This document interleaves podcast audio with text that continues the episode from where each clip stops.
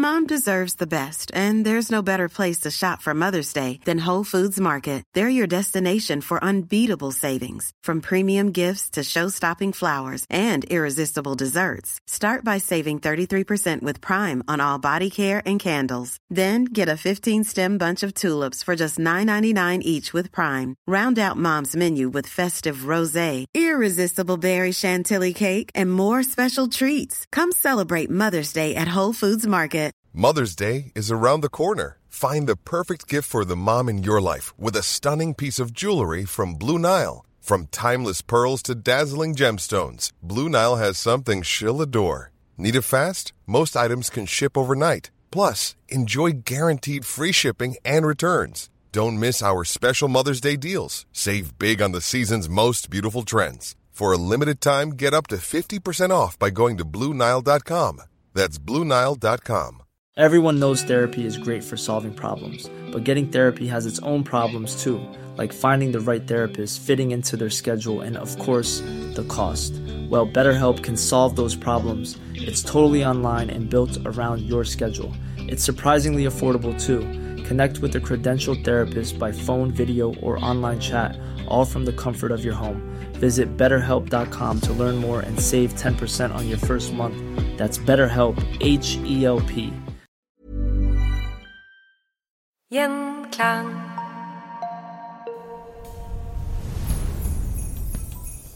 Sommeren 1941 virker Hitlers krigsmaskin ustoppelig. Etter å ha underlagt seg store deler av Europa, invaderer Tyskland nå Sovjetunionen. De allierte blir tvunget til å hjelpe. Konvoier bestående av lasteskip fylt til randen av krigsmateriell begynner den farefulle ferden fra Island til Murmansk i det som er blitt kalt verdens verste sjøreise.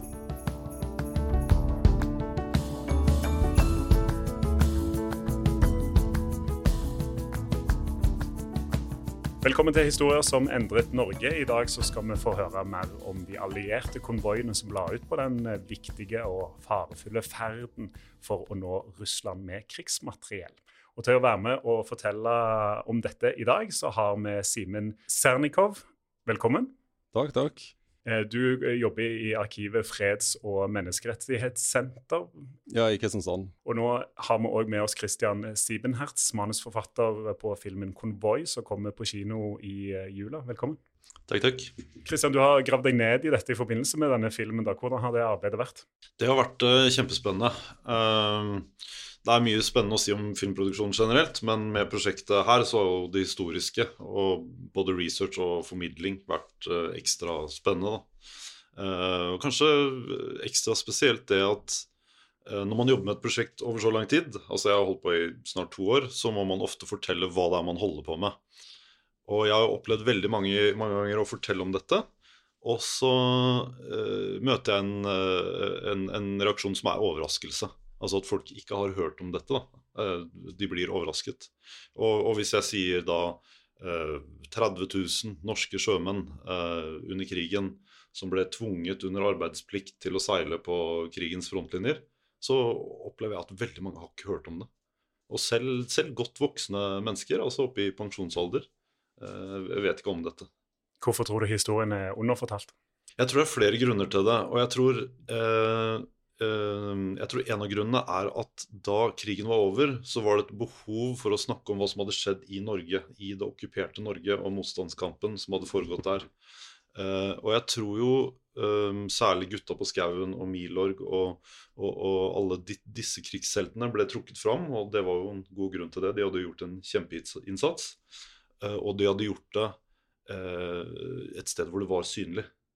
Mens handelsflåten ute i verden var jo spredd rundt på alle verdens hav. Så dette var jo ikke noe man hadde eh, altså så lett synlig, på en måte. I tillegg så var det jo Krigsseilerne var jo en stor sammensatt gruppe med mennesker. Det tror jeg man kan si. En del av dem gikk det ikke så bra med etter krigen. Altså, de sleit psykisk, fysisk. Eh, de hadde jo kommet hjem med traumer. Eh, noen ble alkoholikere.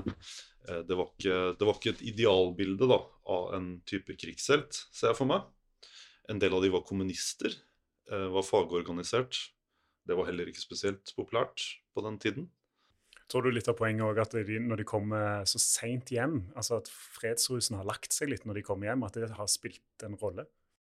Ja, eh, det gjør jo det. Når, eh, mens de andre eh, gikk rundt i gatene og, ble tatt imot, typisk i Norge, da, og, og at en, en, var inne i den stemningen der, så fortsatte jo de å seile. Altså, det var jo fortsatt behov for å frakte på sjøen rundt i verden. Da var det jo verden som skulle bygges opp igjen. Så det er jo klart at da, da måtte de fortsette å seile, og det var vanskelig å få avløsningsmannskap og så kunne gå 45-46, 1947, før da eh, de omsider eh, kom i land. da. Vi skal snakke litt om hjemkomsten litt seinere, tenkte jeg, men vi kan jo gjerne begynne litt med å få klarhet i hva er en konvoi? Konvoi har jo eh, eksistert i noen århundrer. Uh, tilbake til pirattiden, kan du si. Men uh, det har fått en mer uh, en, Den moderne betydningen av konvoi er jo som kom til mot nærmere slutten av første verdenskrig, med at en hadde britiske handelsskip som skulle seile i, i større beskytta grupper da, mot disse tyske ubåtene. og da, eh, når andre verdenskrig eh, kom opp igjen, så var det naturlig at en fortsatte med dette og også ekspanderte med nye typer teknologier også inn i dette her konvoisystemet. Det ble større, det ble mer teknologisk avansert. Altså, hva, hva er hensikten med å dra sånn, i samla tropp over havet? Liksom? Hva, hva, er fordelene med det? Altså, Konvoiene var litt uh, forskjellig oppsett, uh, alt ut ifra hvilket uh, krigsteater eller verdenshav du seilte i. da. Uh, hvis du tar typisk uh, i Atlanterhavet, uh, så er det jo fordi at en ønsker å samle disse her skipene, så de skal være vanskeligere å oppdage, typisk.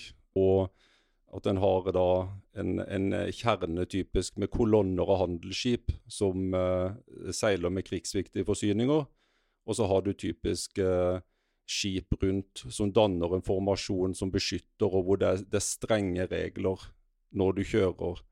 Du skal ikke stoppe hva enn, fordi at da eh, kan du eh, risikere å eh, bli ramma av de mange ubåter, eh, de tyske ubåtene da, eh, i andre verdenskrig f.eks., som eh, lurte rundt. og de det er jo kjent at disse her kunne være alt fra 8 til 20 ubåter. og uh, De var jakta i flere dager i strekk på disse uh, allierte konvoiene som uh, seilte over. da, Som var veldig store. Det kunne typisk være utover i krigen kunne være opptil 40-60 skip, handelsskip da, totalt, som seilte sammen.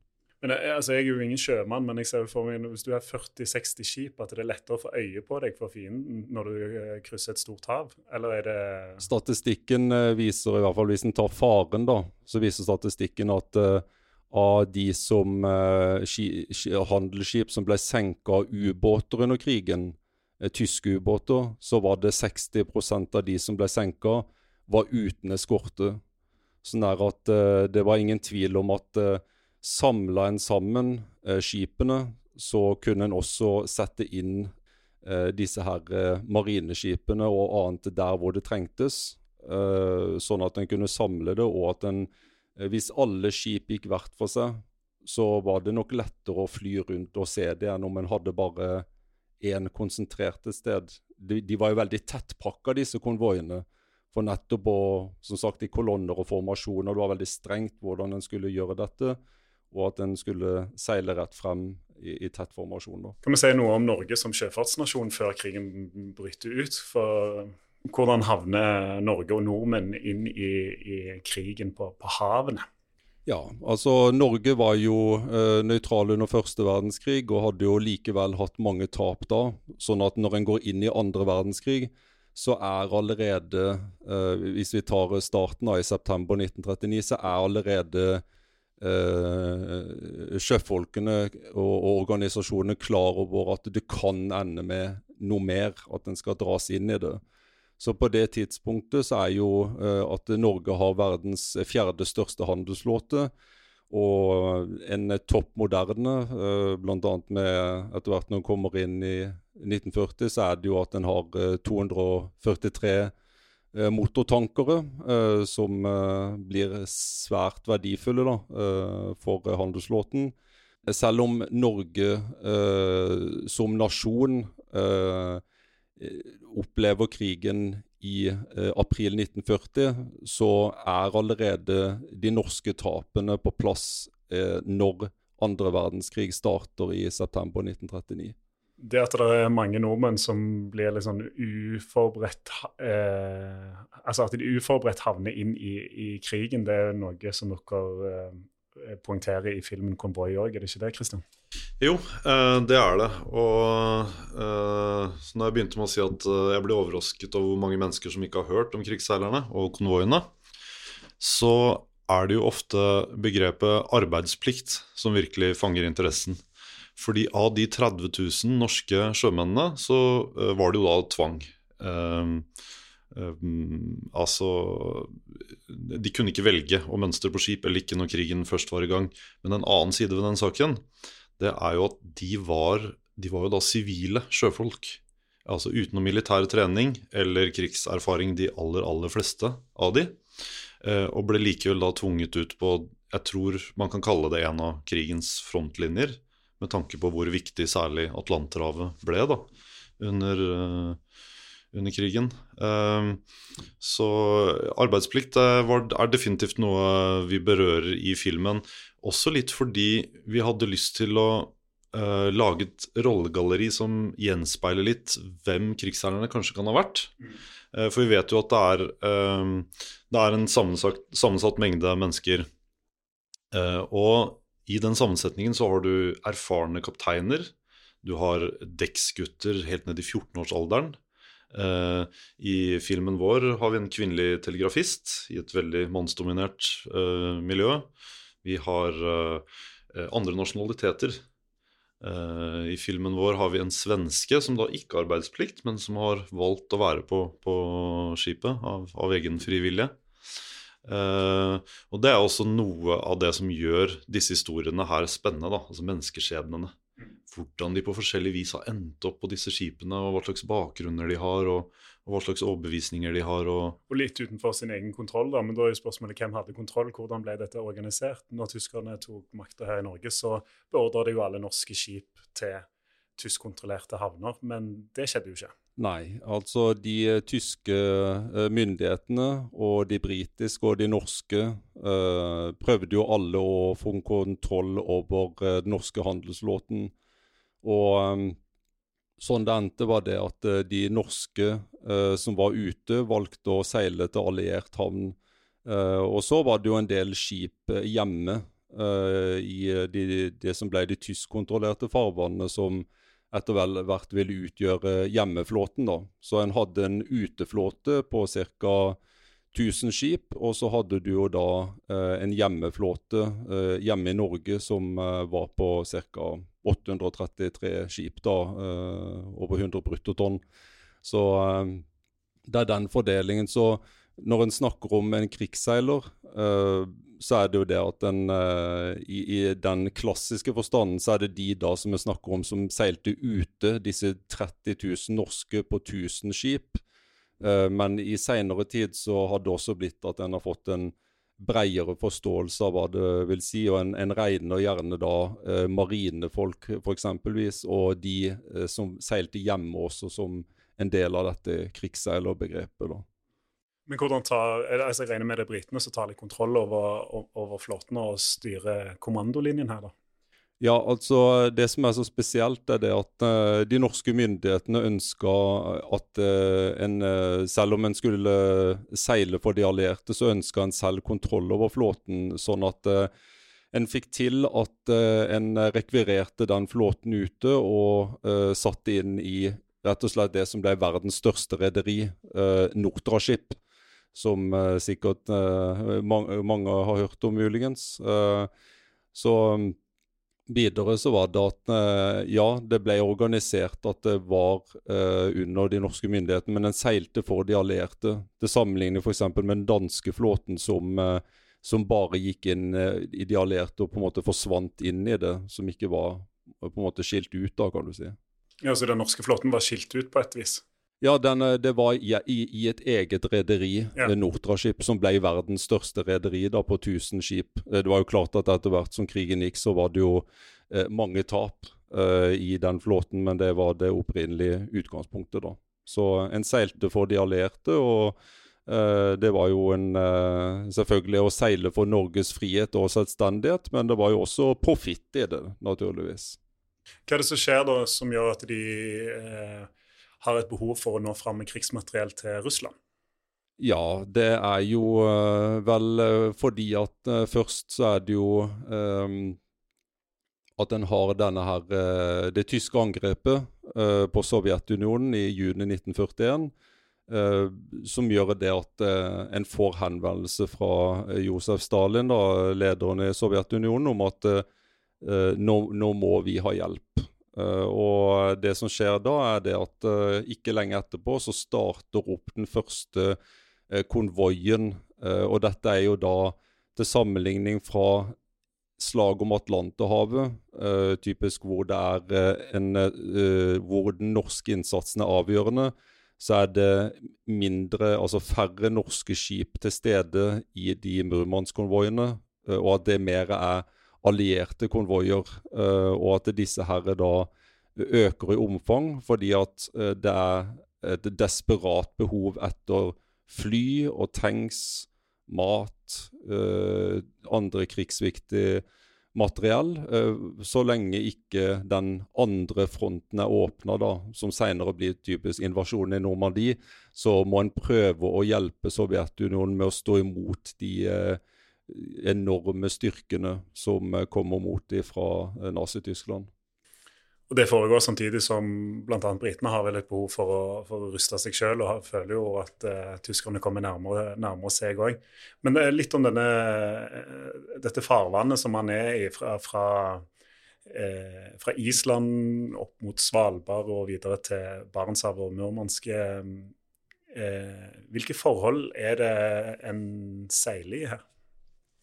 Det er jo veldig krevende forhold, eh, særlig om vinterstid når det er iskaldt. Eh, det vil jo alltid være en utfordring med eh, sjøen, naturligvis. Og, og som sagt, isen kan være en utfordring. Eh, det er for sjøfolkene eh, veldig krevende eh, å seile bare, bare de naturlige omgivelsene, så kan det være utfordring.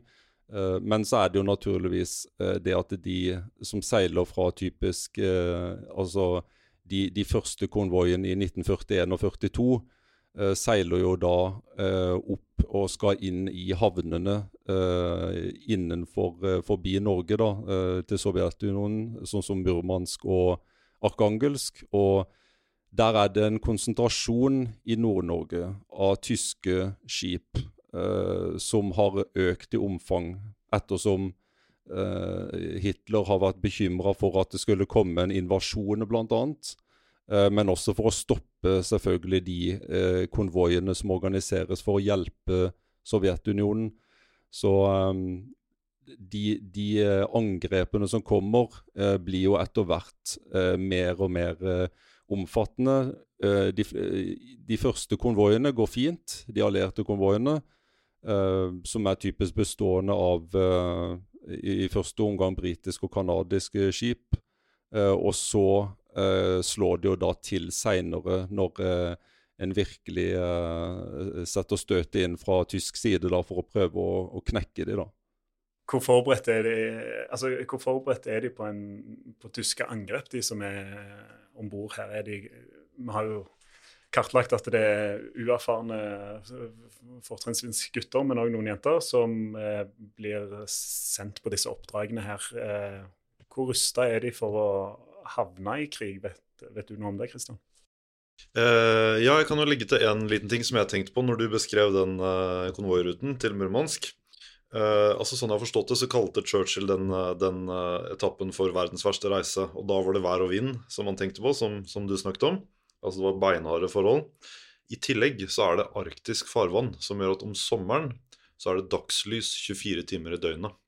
Ja. Det betyr at du har ingen sted å gjemme deg. Nei. Og en konvoi blir også lettere oppdaget uh, da, når, det, når man ikke kan gjemme seg i, i nattmørket.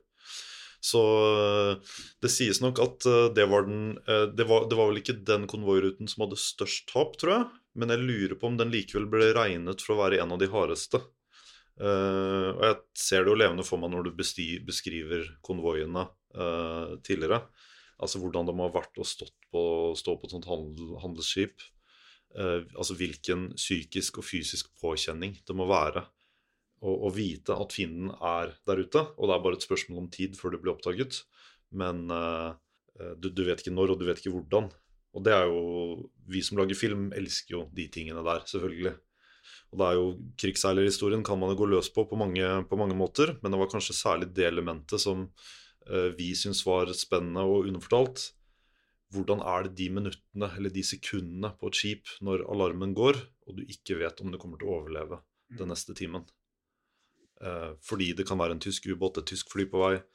Eh, en torpedering kan skje uten forvarsel. Og skipet du står på, har en last som består av bensin, sprengstoff og ammunisjon, f.eks. Altså, det er jo en virkelighet som man ikke kan forestille seg som sivilprivilegert uh, nordmann i 2023. Hvordan har de klart det? Eh, en ble mer herda. Uh, og det var viktig også å ha uh, riktig holdningen om bord. Uh, Yeah. Selvfølgelig med hvordan en skulle eh, fungere sammen. Og når en kom i land, da, så eh, var det naturlig å avreagere litt Ja. eh, for å få en eh, balanse i regnskapet, og så var det på igjen. Så eh, disse eh, folkene ble jo etter hvert eh, mer herda. Eh, noen eh, sjøfolk eh, var jo uh, om bord eh, hele krigen eh, på samme skip, mens andre var bare kortere opphold og sånn, så det varierte jo veldig mye eh, hvem som var, og ikke minst hvem som klarte å holde det ut. Hvordan avreagerer sjømenn? Det kan være alt fra å eh, gå i havn og gå i sjømannskirka eller på leseværelse, eller rett og slett på puben. Ja, det kan vi se for oss. Men eh, Hey, I'm Ryan Reynolds. At Mint Mobile, we like to do the opposite of what Big Wireless does. They charge you a lot, we charge you a little. So naturally, when they announced they'd be raising their prices due to inflation, we decided to deflate our prices due to not hating you. That's right. We're cutting the price of Mint Unlimited from $30 a month to just $15 a month. Give it a try at mintmobile.com slash switch. $45 upfront for three months plus taxes and fees. Promo rate for new customers for limited time. Unlimited more than 40 gigabytes per month. Slows. Full terms at mintmobile.com. Quality sleep is essential. That's why the Sleep Number Smart Bed is designed for your ever evolving sleep needs. Need a bed that's firmer or softer on either side? Helps you sleep at a comfortable temperature? Sleep Number Smart Beds let you individualize your comfort so you sleep better together. JD Power ranks Sleep Number number 1 in customer satisfaction with mattresses purchased in-store. And now, save 50% on the Sleep Number limited edition Smart Bed for a limited time. For JD Power 2023 award information, visit jdpower.com/awards. Only at a Sleep Number store or sleepnumber.com. Hey, it's Ryan Reynolds, and I'm here with Keith, co star of my upcoming film, If, only in theaters, May 17th. Do you want to tell people the big news?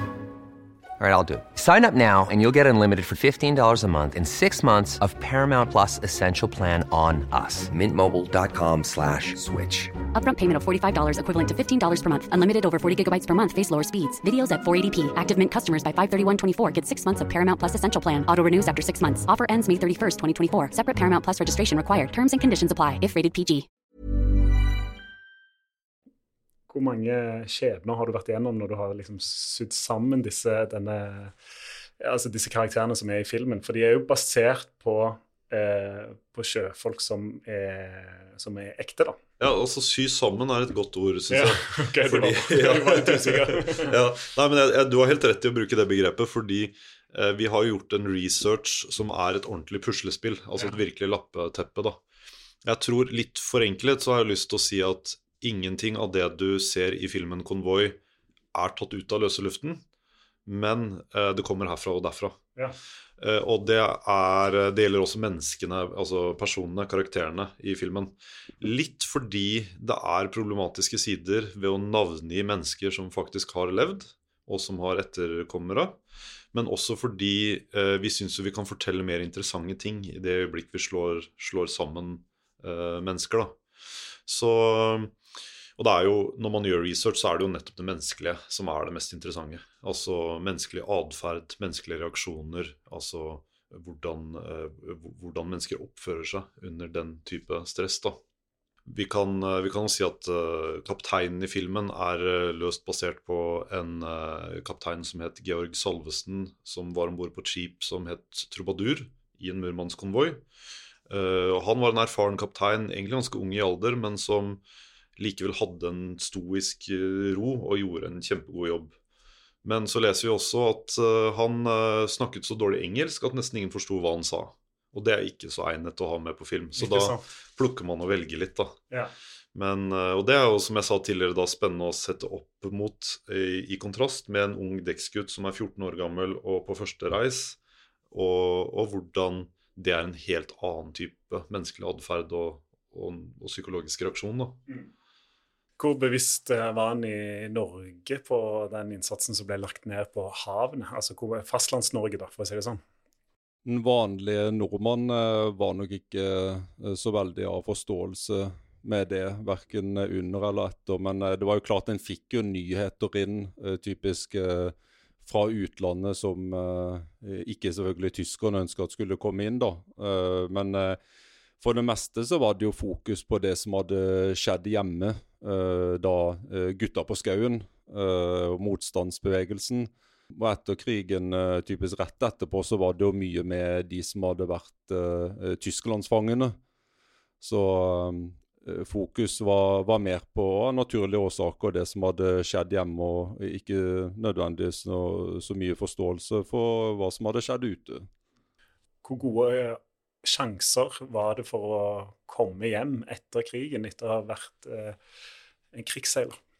Ja, det var eh, klart at det, det var noen eh, tusen eh, nordmenn som døde til sjøs under krigen. Eh, så eh, det, det var jo en sannsynlighet for at en var en av de eh, som eh, gikk bort. Eh, det som eh, var eh, like stor utfordring, eh, var eh, det som en måtte leve med etterpå. Og det var jo traumene etter eh, krigsseilasen.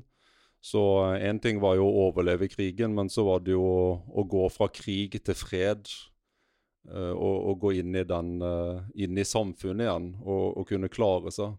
Ja, det var brutalt, det òg. Det hadde absolutt sine utfordringer, fordi at uh, når de sjøfolkene som uh, nevnt da kom i puljer tilbake igjen, så var det ikke noen organisering, et apparat som skulle sørge for at de fikk en glidende overgang til å kunne klare seg i samfunnet. Så i stedet så ble de møtt av et uh, ganske tu- tungt byråkrati, da, eh, som eh, var fokus på at nå skal vi prøve å legge krigen bak oss og bygge opp heller eh, eh, Norge. eh, og da var det jo sånn at eh, mange av disse sleit jo med problemene sine. og og, når de da skulle prøve å, å komme tilbake igjen eh, til eh, jobbene sine og annet, så, så var det eh, mange utfordringer som lå der foran det. Mm. Hvordan kan det ha vært for disse sjøfolkene som har lagt ned denne store innsatsen for at de allierte vinner krigen til slutt, eh, kommer hjem etter flere år etter at krigen er slutt, og så blir det jo eh, møtt med et skuldertrekk at de kommer hjem. Eh, når det kommer krigshelter hjem, og så nevnes det nesten ikke i aviser. Og hvis det nevnes, så er det fordi at båten òg har frukt og grønt med seg og eksotiske varer, ikke at det kommer krigshelter hjem. Eh, Hvordan kan det ha vært for dem? Jeg tror jeg har lest akkurat den samme anekdoten som du har gjort. Hvor noen krigsseilere kommer hjem til jubel, og så viser det seg at det er jubel fordi det kommer en båt med bananer. Ja. Det har ingen sett på årevis. Ja, det er jo et veldig beskrivende bilde, da. Nei, altså, det er jo ikke til å, det er jo ikke til å fatte og begripe. Og jeg vil jo tro at altså, den effekten bøkene til Jon Michelet har hatt nå nylig, og filmen 'Krigsseileren' og sånn, det føles jo som en slags sånn anerkjennelse og oppreisning som, som de skulle hatt i 1945. Altså min, eh, En av mine første innganger til researchen var en bok som heter 'Hver tiende mann måtte dø'. Som var en Dagbladet-journalist som uh, samlet opp krigsseilerhistorier i 1968, tror jeg det var. Og da var nesten alle historiene anonyme. Fordi eh, disse krigsseilerne de syntes det var så vanskelig å snakke om dette. Altså opplevde at det var tabubelagt, og de hadde traumer, eh, som tidligere nevnt. At eh, for dem var det lettere å, å, liksom ikke sette navnet sitt bak det. Så det sier jo kanskje noe om hvilken prosess det har vært for menneskene. da. Eh, det å klare å snakke åpent om det, og, og når Hvor lang tid tar det ikke før samfunnet er klart å høre historiene også? De, er, de, var jo ikke selv uh, De forsto jo ikke selv hva som var galt med de, disse som var traumatisert uh, etter krigen. og uh, Uten å, å, gå i detalj, da, noe særlig for det at det handler jo om kampen om pengene, uh, Nortraship-pengene, og at fra dette hemmelige fondet, og at eh, ikke en får dette utbetalt. Det blir på en måte symbol på den manglende anerkjennelsen. Og eh, mange krigsseilere velger å, å, å, gå ut av fokus da, og oppmerksomheten. og det er ikke før på, utover på 60-tallet at en så kommer tilbake igjen akkurat i forhold til det med eh, å, å, få frem eh, At krigsseilere står frem og forteller om sine lidelser, eh, og også prøver å få fokus på den innsatsen Eh, de gjorde da. Jeg har skjønt at uh, noe av uh, filmen er også basert på skandalekonvoien PQ17. Uh, hva var PQ17? Altså, Vi tenker jo at filmen først og fremst handler om Murmansk-konvoiene. Og så er det vel ikke noen hemmelighet at det er spesielt én av disse jeg tror det er 78 konvoiene som gikk totalt, en av disse hvor det skjer noe helt spesielt, uh, som ikke skjedde verken før eller siden, som er en del av filmens handling. Uh, og det som skjer da, er at denne konvoien, som har gått fra Island og kommet seg opp i Nordishavet og er på vei til Murmansk, de får plutselig beskjed fra London om at konvoien skal oppløses. Altså de 35 skipene som seiler i formasjon, og er beskyttet av hverandre og beskyttet av en militær eh, eskorte rundt, eh, de skal plutselig gå én og én. I tillegg så trekkes eh, den militære eskorten tilbake. Den militære eskorten den besto av hangarskip, fly, eh, eh, kryssere, eh, minetrålere, altså virkelig tunge krigsskip som skulle passe på da disse handelsskipene, som knapt var bevæpnet i det hele tatt. Uh, og det kommer uh, uh, Det kommer ingen god forklaring. Altså man Ute på verdenshavet så er det jo begrenset informasjon man har tilgang til. Men, men, vet man ikke nå heller hvorfor det skjer? Jo, jo. og det er også en, er også en veldig interessant side av historien, som er for så vidt lang og komplisert. ja. Men jeg skal prøve, du må korrigere meg, Simen, hvis, hvis, dette blir for enkelt. Men nå skal jeg prøve å ta kortversjonene. Ja.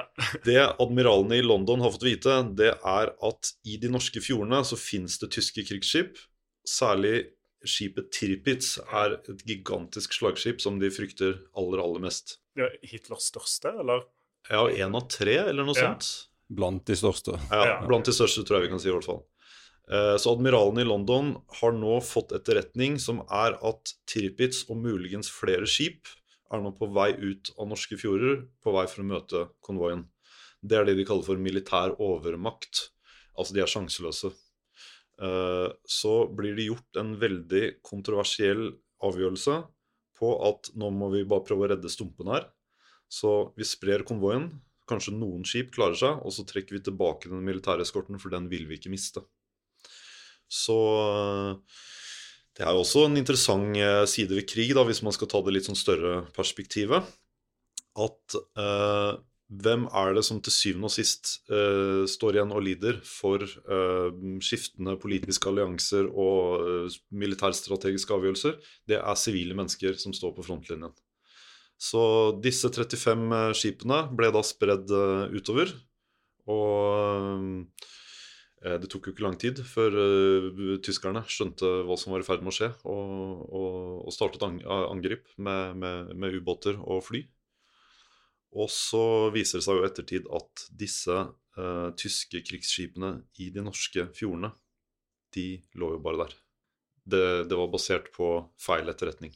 Eller en feil tolkning av etterretningen de fikk, kanskje. Det er litt mer komplisert enn jeg fremstiller nå, men eh, dette kalles da for en av de største militære eller største militærstrategiske tabbene som ble gjort under andre verdenskrig. Ja. Og da, Simen, hvis du kan hjelpe oss med å fortelle er det, hvorfor er det så dramatisk at, da, at konvoien plutselig da blir spredt? Denne konvoien eh, har klart å komme seg opp til eh, sør for Spitsbergen og er jo på vei ned igjen eh, for å skulle gå inn til disse russiske havnene. Uh, da disse meldingene kommer om at uh, plutselig en skal uh, velge å trekke tilbake eskorten og så splitte opp konvoien. Og det som skjer da, er jo det at tapene begynner å komme med en gang. Ubåten er på plass, og flyene kommer.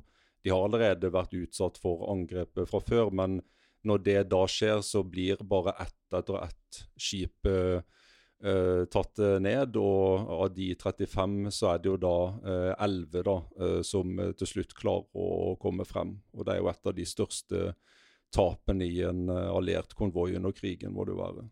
Hadde det noe innvirkning på, på hvordan en brukte Murmansk-konvoiene? Etter det så eh, måtte de eh, ta en pause. og det er jo Noe av utfordringen var jo dette her med at en, denne konvoien, uh, PQ17, uh, det var jo sommeren i 1942.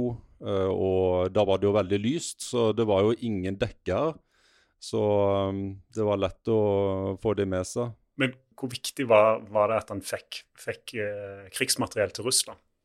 Særlig i starten, i 1941 og 1942, så, så, var dette viktig å få det i gang. Eh, fordi at en, eh, Sovjetunionen var jo desperat uh, etter å kunne klare å stå imot det tyske angrepet. Så etter hvert så uh, var, var, det ikke en så stor eh, eh, betydning. Men at det, det, var jo alltid klart at det var jo en politisk betydning som lå til grunn med at vi står sammen mot eh, eh, aksemaktene eh, og hjelper til. Eh, så eh, denne, de konvoiene fortsatte jo, selv om en da i 1944 valgte å åpne opp den andre veien inn med invasjonen i Normandie. Ja, for det er jo litt interessant. altså Det har en sånn symboleffekt òg, det at en, en, hjelper ut russerne her. At det har hatt en sånn større politisk eh, effekt, da, kanskje.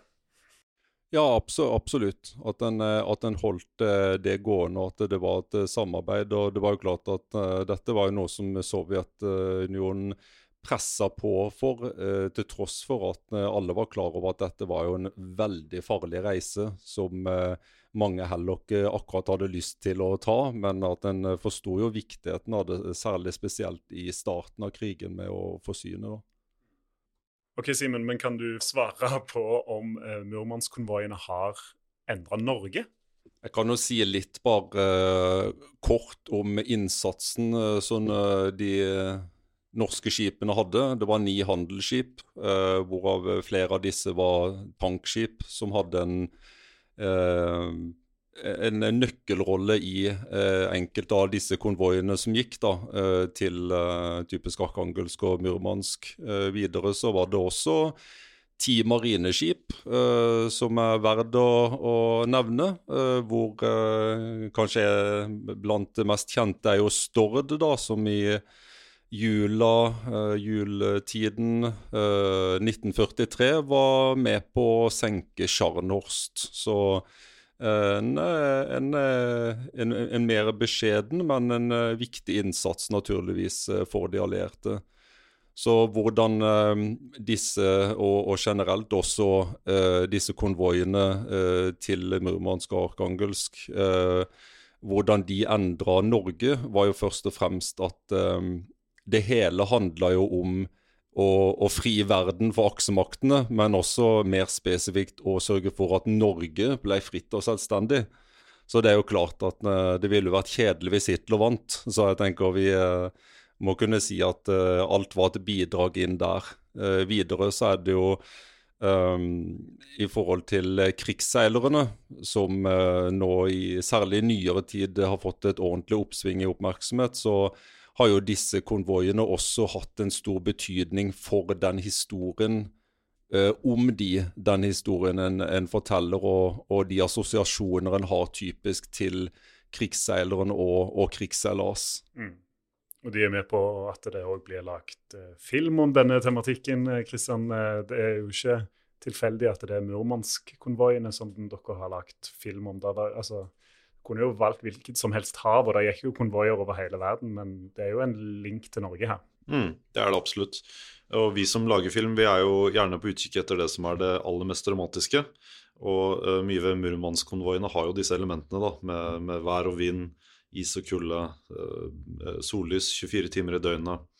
Også det arktiske farvannet. Uh, både visuelt, men også som en, altså som en trussel. Og hvordan, hvordan Murmansk-konvoiene da var utsatt for tyske angrep som kom fra Norge. Altså tyske flybaser, i, spesielt i Narvik, tror jeg. Og tyske krigsskip som lå og lurte i de norske fjordene. Mm. Så Sånn sett så føles jo Murmansk-konvoiene tettere på Norge enn de kanskje egentlig var. da. Simen Sernikov og Christian Siebenhertz, eh, takk for at dere tok dere tid til historier som endret Norge i dag. Takk. Takk.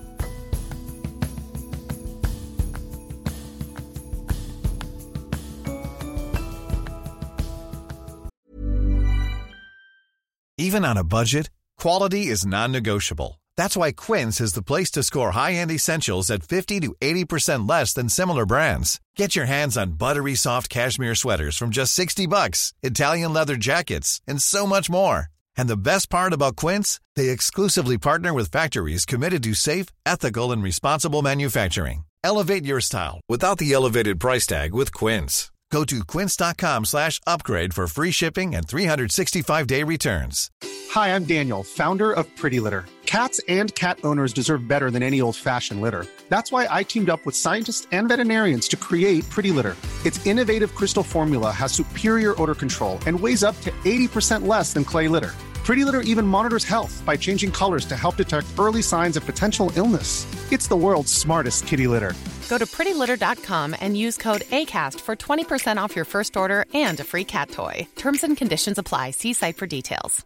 Mom deserves the best, and there's no better place to shop for Mother's Day than Whole Foods Market. They're your destination for unbeatable savings, from premium gifts to show-stopping flowers and irresistible desserts. Start by saving 33% with Prime on all body care and candles. Then get a 15-stem bunch of tulips for just $9.99 each with Prime. Round out Mom's menu with festive rosé, irresistible berry chantilly cake, and more special treats. Come celebrate Mother's Day at Whole Foods Market.